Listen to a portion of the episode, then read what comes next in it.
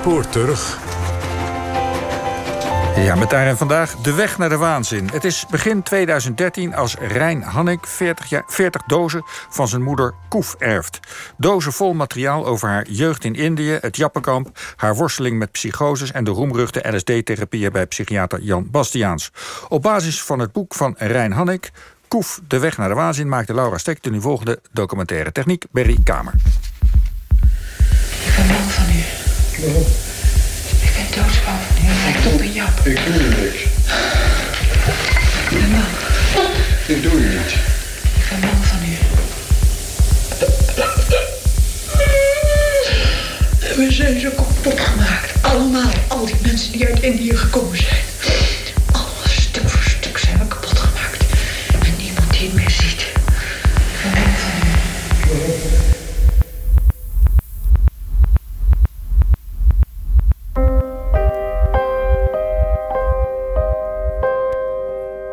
Ondervind toch wel dagelijks hinder van de schade die je oploopt als kind. Ja, dat, dat gaat nooit helemaal weg.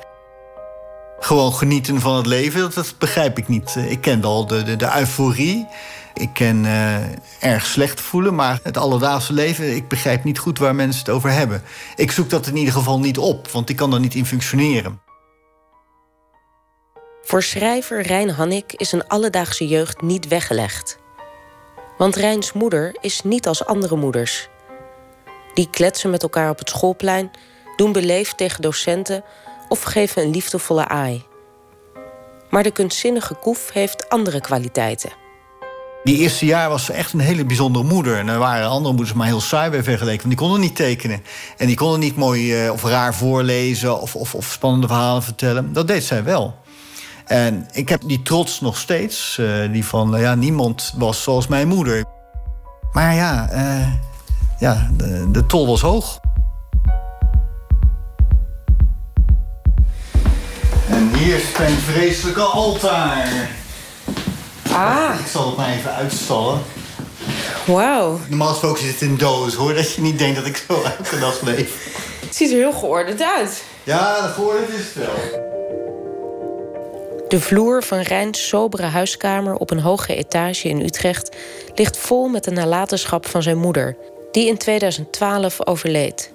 Daar hebben we bijvoorbeeld eh, een doos met 250 brieven. Dus correspondentie tussen eh, mijn ouders.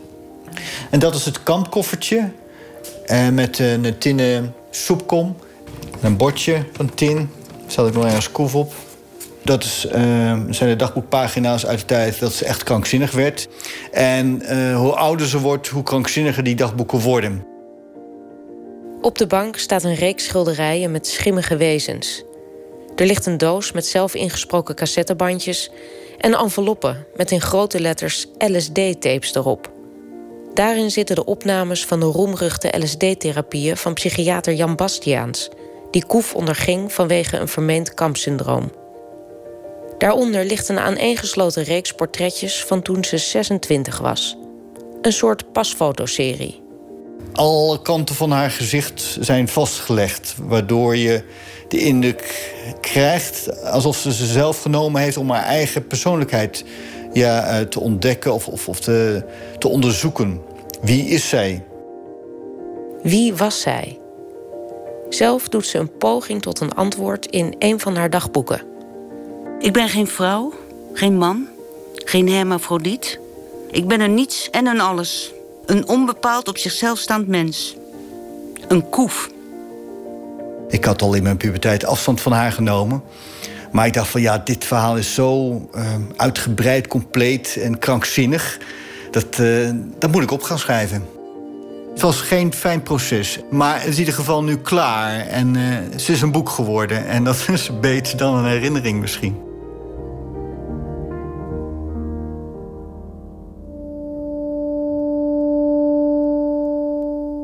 De eerste tien jaar van zijn leven woont Rijn samen met zijn twee zussen, vader en moeder aan de Heemraadsingel in Rotterdam. Een gracht met statige herenhuizen met aan het water fotogenieke treurwilgen en pittoreske bruggetjes. Het gezin woont op nummer 240. Oftewel het spookhuis, zoals Rijn het noemt. Het was hoog en kraakte van alle kanten en was donker en tochtig. En als kind, mede door mijn moeders verhalen, zag ik overal spoken. Die angst kan je bij kinderen er erg goed inpraten als je het over de Guna Guna hebt in Indië. Want daar was alles, zat alles vol met spoken. En die spoken die zijn dus mee verhuisd met haar naar eh, de Hemeltsingel in Rotterdam. En uh, ja, als ik, nog steeds als ik er foto's van zie, dan, dan moet ik een beetje huiveren.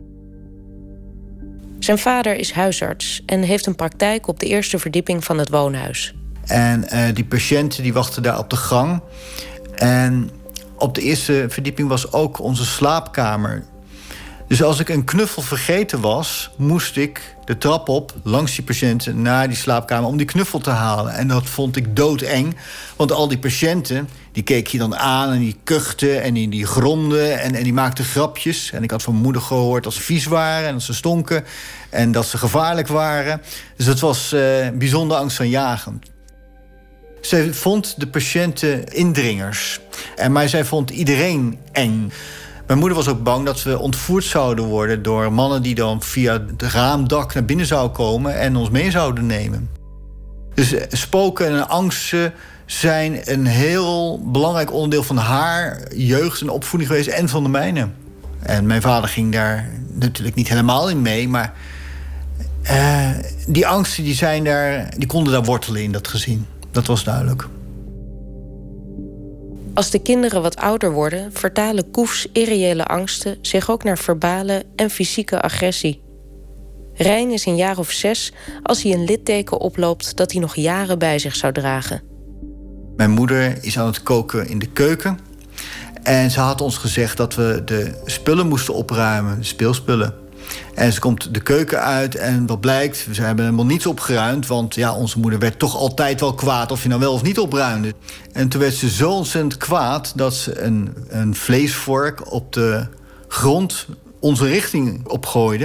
En die kwam dus op de grond terecht en stuitte die op en toen kwam die in mijn been. Boven mijn uh, knie stak die in mijn been. Ik ben wel uh, verzorgd door mijn vader, want die was toch arts, dus het is allemaal netjes ver verbonden. En mijn moeder zei dat ik er niet over moest praten uh, op school. En toen had ik ook wel zo'n gevoel van: dit klopt niet helemaal. Er werd voortdurend gemapt om de boel in controle te krijgen. Ze was niet in staat om ja, die kinderen even een knuffel te geven dan... of, of aandacht te geven. Nee, ze moesten stil zijn, want zij eh, konden het anders niet aan. Ik moet alleen zijn. Als ik me afzonder, kan me niets meer gebeuren. Dan krijg ik niet elke keer een klap in mijn smoel. Zo hard als geniet moet ik worden. Anders word ik gek. Maar waarom huil ik dan zo? Omdat het een godvergeten zwaar leven zal worden? Omdat ik verdoemd ben? Waarom voel ik me zo opgezweept? Waarom onttrek ik me aan de buitenwereld? Zo weergaloos eenzaam voelt dit, dat ik het wel kan uitschrijven. Het enige dat helpt is schrijven. Hoe meer ik het van me afschrijf, hoe meer verlichting het brengt. De afzondering wordt sterker als het gezin een huis verderop betrekt. Heemraadsingel 238. Daar trekt Koef zich steeds meer terug op haar hobbykamer. De rest van het huis was nogal kil en clean. Terwijl die hobbykamer, het was een soort altaar van, van, van kunst en warmte en gezelligheid. En ja, ze had er een kleine Indië gemaakt. En ik dacht van, ja, waarom doe je dat niet met de rest van het huis? Nu was het alleen maar voor haar. Wat deed ze daar, weet je Voornamelijk schilderen en, en um, sneed uit marmer en uit um, been. Uh, allerlei figuurtjes. Prachtig werk. Dit vind ik het mooiste beeldje. Een soort paaseiland uh, hoofd. Dat is een voorbeeld van de wijzen, zoals ik ze maar zal noemen. Wij, wijze figuren die tot haar kwamen toen ze een jaar of twintig was. Dus we kunnen dat de eerste hallucinaties noemen. Maar dat was een beetje op het randje. Misschien heeft ze ze ook verzonnen. Het waren in ieder geval figuren die... Uh, ja, die haar in bescherming namen tegen de wereld en haar uh, wijze raad gaven. En dat heeft ze van. Deze is van marmer. Nou, dat is prachtig gemaakt, vind ik zelf. Maar als kind vond ik haar kunst, uh, had ik daar helemaal niets mee. Want ze was gewoon altijd geïrriteerd als je haar stoorde. Want ze wilde aan die kunst werken en niet moeder spelen. Het was duidelijk een universum uh, dat eh, niet bij dat huis hoorde. Het was haar universum en het was ook haar jeugd. Ik heb heimwee naar het onverwachtse en het wijdse. Naar de ontelbare dingen die iedere dag anders waren.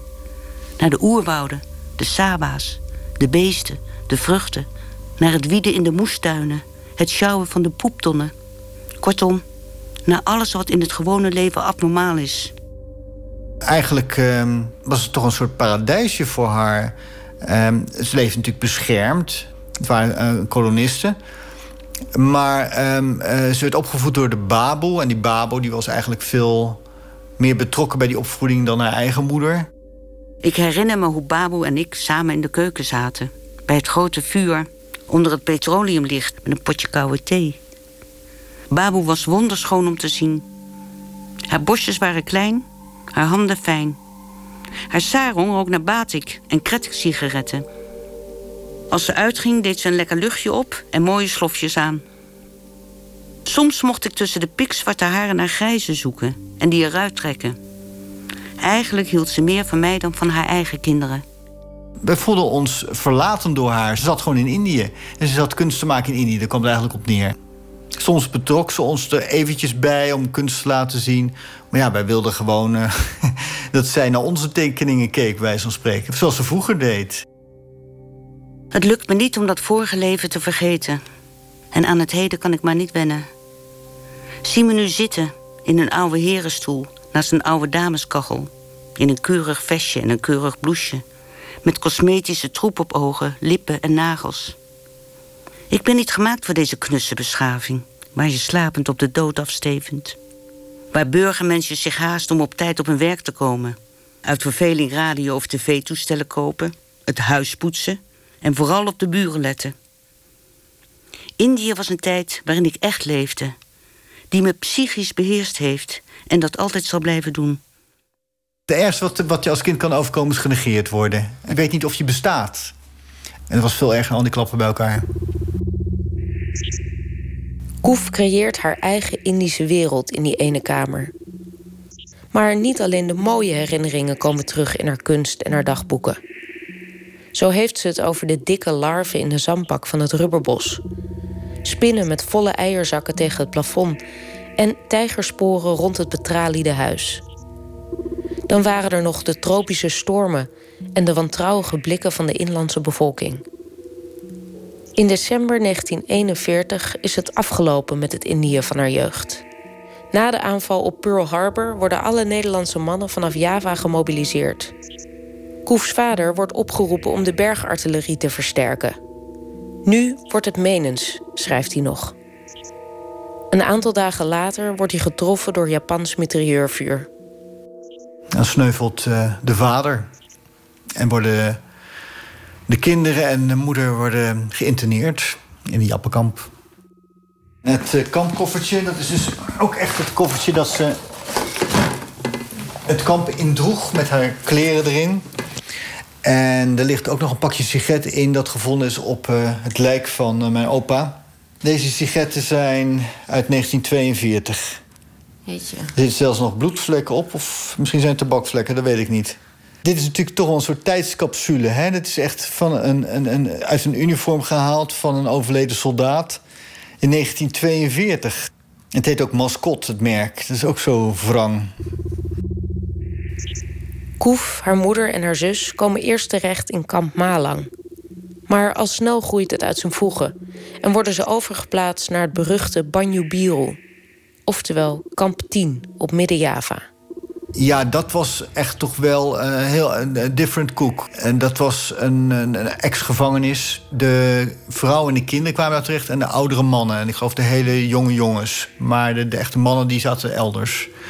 En ja, dan moesten ze zwaar werk doen, zwaar werk verrichten, arbeid. En ze kregen weinig te eten, ze werden vernederd, ze werden uitgelachen. Uh, als er eten gesmokkeld werd, werden die vrouwen gestraft. En um, ja, er zijn er een hoop ook overleden aan ziektes. En uh, Koef is dan elf jaar. Rijn pakt er een klein boekje bij, dat zijn moeder in die periode maakte. De kaft is van verweerde bloemenstof. Dat is dit. Is een, ehm, een heel klein dagboekje met, vol met, ehm, ja, hoe zal ik ze noemen? Luciferpoppetjes, schematische tekeningen van de werkzaamheden en de honger en de dreiging. En ja, alles wat in het kamp gebeurde, heeft ze erin vastgelegd. En het was levensgevaarlijk om zoiets te doen. Dat boekje echter is niet zo dramatisch, maar eerder koddig. Waardoor het in haar kindergeest toch meer iets van een stripverhaal krijgt... dan van een enorme lijdensweg. De cartooneske luciferpoppetjes van Koef geven een kinderlijk heldere inkijk in haar beleving van het kamp. Zo zien we de poppetjes een poepton sjouwen met grappig walmende wolkjes eromheen. Even een beetje water halen, staat er in een keurig kinderhandschrift bij een plaatje met een lange rij wachtenden. Hier zie je de werkzaamheden, dat ze, dus, hout moeten zagen. Hier zijn ze eten aan het maken. Het is dan meestal slakkensoep, niet te vreten. En hier zie je de, de, de Japanners met hun geweren surveilleren. Ze tekent ook codes op. Een ei in een eierdop betekent de kust is veilig. Een gebraden kip staat voor gevaar.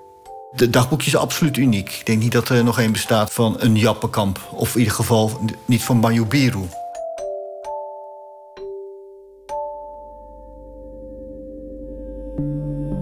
Naast het bijna vrolijk getekende dagboekje van de elfjarige Koef... vindt Rijn ook geschreven herinneringen die ze veel later optekende. Daarin is minder ruimte voor lucht. De verhalen zijn vaak erg uh, misantropisch in de zin van... ze vond die vrouwen, vond ze allemaal wijven die elkaar naar het leven stonden. Het was de honger niet, ook de jap niet. Het waren de wijven die elkaar het licht in de ogen niet gunden... De vrouwen liepen rond met schurfthoofden en soepjurken. Geen lippenstift, geen poeder, geen maniertjes, geen behaagzucht, geen zedigheid. Ieder geintje decorum was verdwenen. Verwende mevrouwen die het vieze vreten weigerden, hielden het niet lang vol. Maar soldatenvrouwen die tot aan hun enkels in de stront stonden te dweilen, werden er juist sterker door. Ik probeer mijn herinneringen bewust te maken door er zoveel mogelijk over te schrijven maar ik kan ze niet afsluiten. Het verleden achtervolgt me als een moordenaar die me wil laten stikken in mijn eigen gedachten. Als de Satan van mijn bestaan.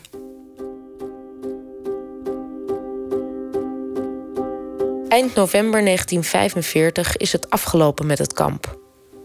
De poorten worden geopend. Samen met haar moeder, zus en 2000 uitgeputte repatrianten maakt Koef een paar maanden later de bijna 30 dagen durende helse boottocht naar Nederland. In februari komen ze aan bij haar grootouders in Dordrecht. Door leerachterstand uh, kwam ze op uh, lagere school terecht, terwijl ze inmiddels al een jaar 15 was. En werd ze gepest vanwege de accent en vanwege ze was een donkere huidskleur op dat moment. En uh, rare kleren aan. En ze was ontzettend labiel. Ze had uh, woedeaanvallen en ze was heel erg onzeker.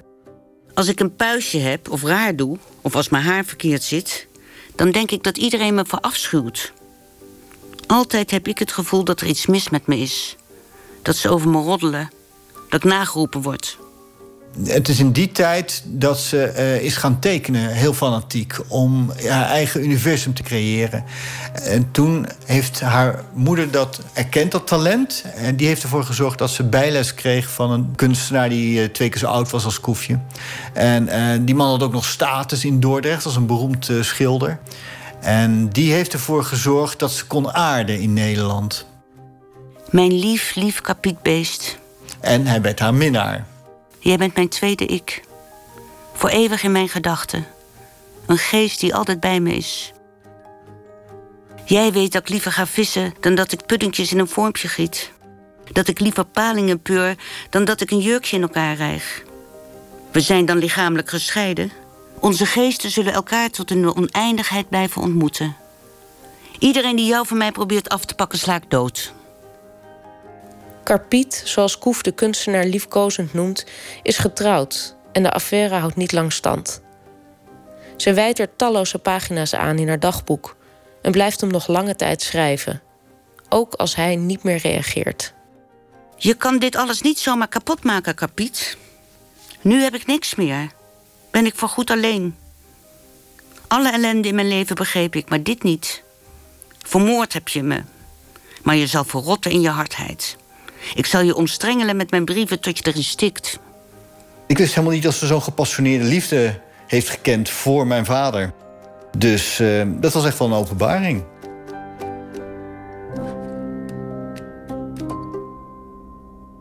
Tijdens zijn puberteit weet Rijn überhaupt weinig over de achtergrond van zijn moeder. Het is wel duidelijk dat ze atypisch gedrag vertoont. Maar dat kan nog binnen de categorie vrijgevochten of bijzonder vallen. Zo haalt hij een krantenartikel uit een van de dozen. Nou, dit is een van de keren dat ze de krant heeft gehaald. Daar was ze wel goed in. Dit is um, het Vrije Volk van 9 oktober 1971. Uh, toen heeft zij geprotesteerd tegen de komst van keizer Hirohito aan Rotterdam. En mijn moeder was, uh, die stond daar op de parkkade te wachten... tot hij uh, de Euromast reed in zijn limousine. En uh, ze was gecontroleerd om te kijken of ze een bom in de tas had. Wat trouwens heel goed gekund had bij mijn moeder, maar goed. Waar ze niet op hadden gerekend, was dat ze een paraplu bij zich had. En op die paraplu, als je die openvouwde, stond er met hele grote letters donder op. op. En die paraplu die deed ze open op het moment dat die keizer in zijn limousine langs kwam rijden. En um, ja, dat, dat is haar ten voeten uit. Deze vrouw met de paraplu. Maar het gezin wordt ook geconfronteerd met gedrag dat niet meer te verklaren is. Na de verhuizing naar nummer 238 wordt ze steeds meer beheerst door haar angsten. Toen begon zij echt um, stemmen te horen. Ze, ze hoorde dan de patiënten, zogenaamd. Die zou kwaad over haar spreken en die liepen dan langs het huis... en die zeiden dat ze een rare neus had of ze stom, stom was... of uh, allemaal beledigende dingen. En wij namen die, die, die klachten serieus, zowel mijn vader als de kinderen. Gingen we dan uh, bij het raam zitten, luisteren of die mensen inderdaad langskwamen en dat zeiden. Ja, dat was niet het geval. Wat een dag. Eindeloze commentaren buiten. Walgelijk schepsel? Dat vind ik nou ook, hoorde ik zeggen.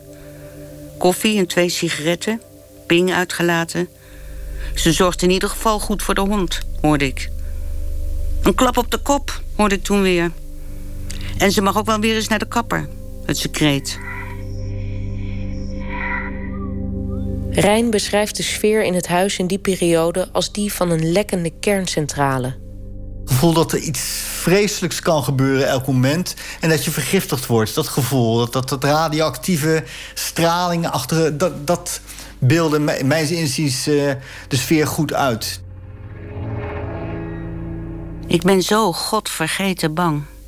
Ik zie alsmaar zwarte gestalten met grote ogen op mij afschuiven. Ze naderen. Ik voel dat ze achter me staan of achter de deur. De hele dag zit ik te bibberen als een hond. Ik heb zo'n pijn in mijn maag. Ik ben bang dat ik mezelf iets aandoe. En Koef doet zichzelf iets aan. Ze slikt pillen, veel pillen. Maar vader vindt haar net op tijd en ze wordt opgenomen in het ziekenhuis. Het is duidelijk dat er iets moet gebeuren. Bij gebrek aan een goede diagnose komt ze via via terecht bij de roemruchte professor Jan Bastiaans, hoofdtherapeut van de Jelgersma Kliniek in Oegstgeest. En een ware BN'er in de jaren 70 en 80. De Tros TV Show. Iedere maandagavond aan uur live televisie. Hier is Ivo Nieën.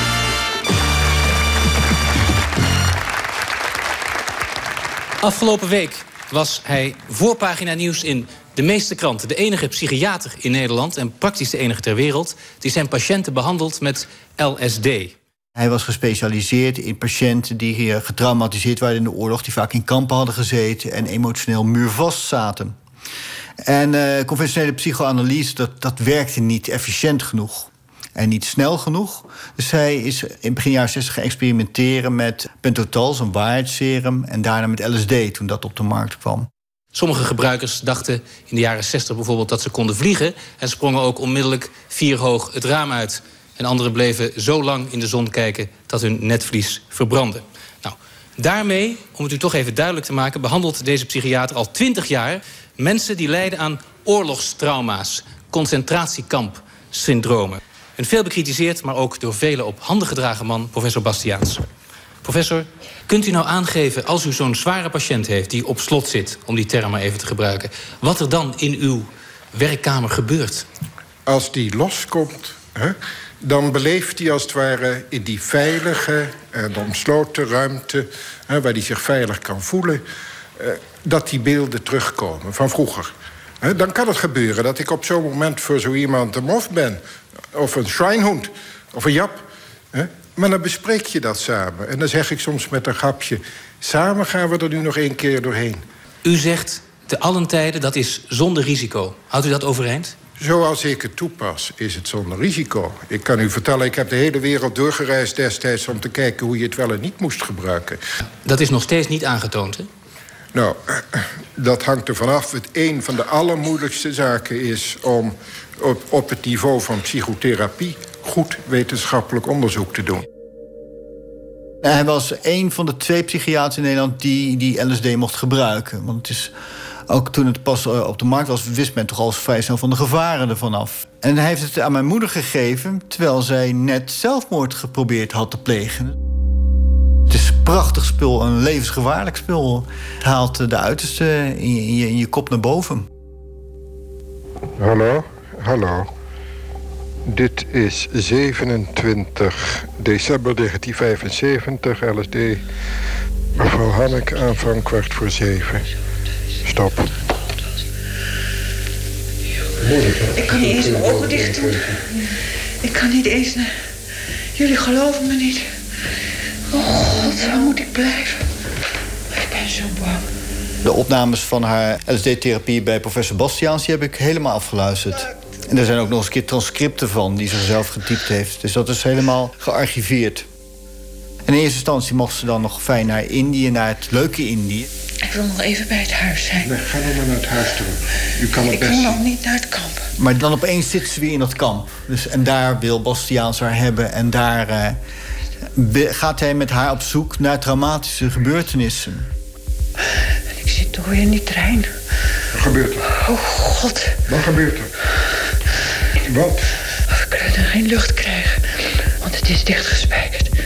Ze zijn wel dichtgespijkerd. Warm, warm, warm, warm. Ik kan het hier niet uithouden. En nog eens denken. Je blijft je heimwee houden. Naar alles. Alles, Alles. alles, Alles. alles. Alles. Alles hebben ze kapot gemaakt. Oh, ik heb daar die vrouw in die boom zien hangen. Die vrouw die daar aan doodgaan was. Maar u hebt het zo lang weggeduwd. Daarom is het zo goed dat het er nou uitkomt. En hoe meer u spuit nu, hoe beter. Roep maar.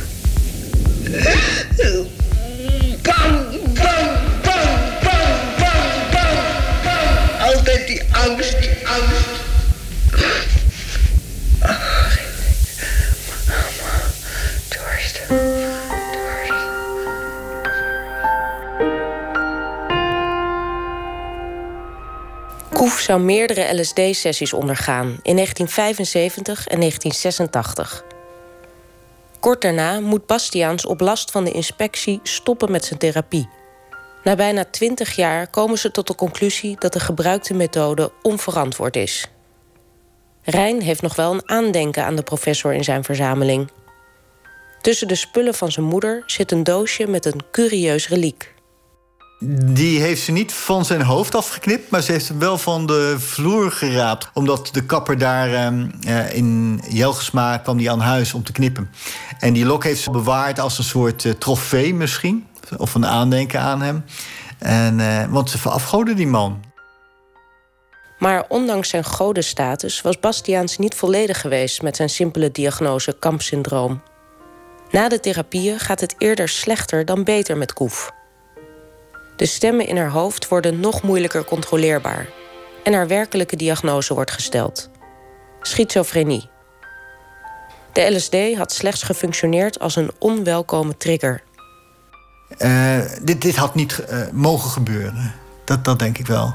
In ieder geval is eh, daarna nooit meer zichzelf eh, geworden. Ik vraag Rijn wat het met hem deed om de bergen dagboeken te lezen en de cassettes en de tapes te beluisteren. Nou, ik uh, ben getraind in uh, het uitschakelen van emoties. En als ik met dat boek bezig was dan kon ik dat ook wel zo vaak doen dat ik productief kon blijven. Pas op het laatst, toen mocht ik van mezelf eens wat voelen. En toen dacht ik van, ja, uh, af en toe raakt me toch wel iets echt. Zeker haar kinderdingen bijvoorbeeld. Of uh, een, een, lullig hangertje dat ze me ooit cadeau heeft gegeven. Van, dan denk ik van, ach ja, die onmacht ook. Rijn verwijst naar een van de spaarzame ontmoetingen met zijn moeder. Als ze gescheiden is van hun vader en op zichzelf woont in Oostgeest de periode voor haar eindbestemming in de Endegeestkliniek. Rijn komt dan na een aantal jaar weer langs. Koef schrijft erover. Zijn uiterlijk, lang krullend haar, twee gouden oorringen, zwarte laarzen. Zijn gezicht had meer volwassen trekken gekregen. We hebben gekletst en gelachen om de dwaze kanten van mijn fobie. Ik had een kettingje met watermanhangertje voor hem gekocht, waar hij erg blij mee was.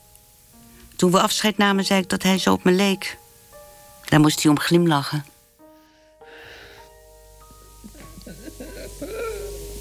De kinderen die het nooit begrijpen, hè? De kinderen die het niet begrijpen. De kinderen die het niet begrijpen. Die je me uitlacht. Omdat je een stomme moeder bent met stomme herinneringen. Die je niet begrijpen. Dat verstop je op je eigen kamer. Af en toe kan je razend op je eigen kinderen zijn. Dat ze zo stom zijn dat dat niet te begrijpen, hè? En dat je het niet kan overbrengen. Daarom tik ik die alles deze ook uit. Ze zullen het lezen, ze zullen weten wie ik was. En hoe moedig je geweest bent. Ik ben helemaal niet moedig, ik ben alleen maar bang. Doodsbang. Ik wou dat ze me zo eens konden zien. Dan begrepen ze misschien waarom ik geen moeder kan zijn. Met al die angsten ben ik een belemmering voor mijn gezin geworden. Ik hou zo verschrikkelijk veel van ze, maar ik moet ze loslaten.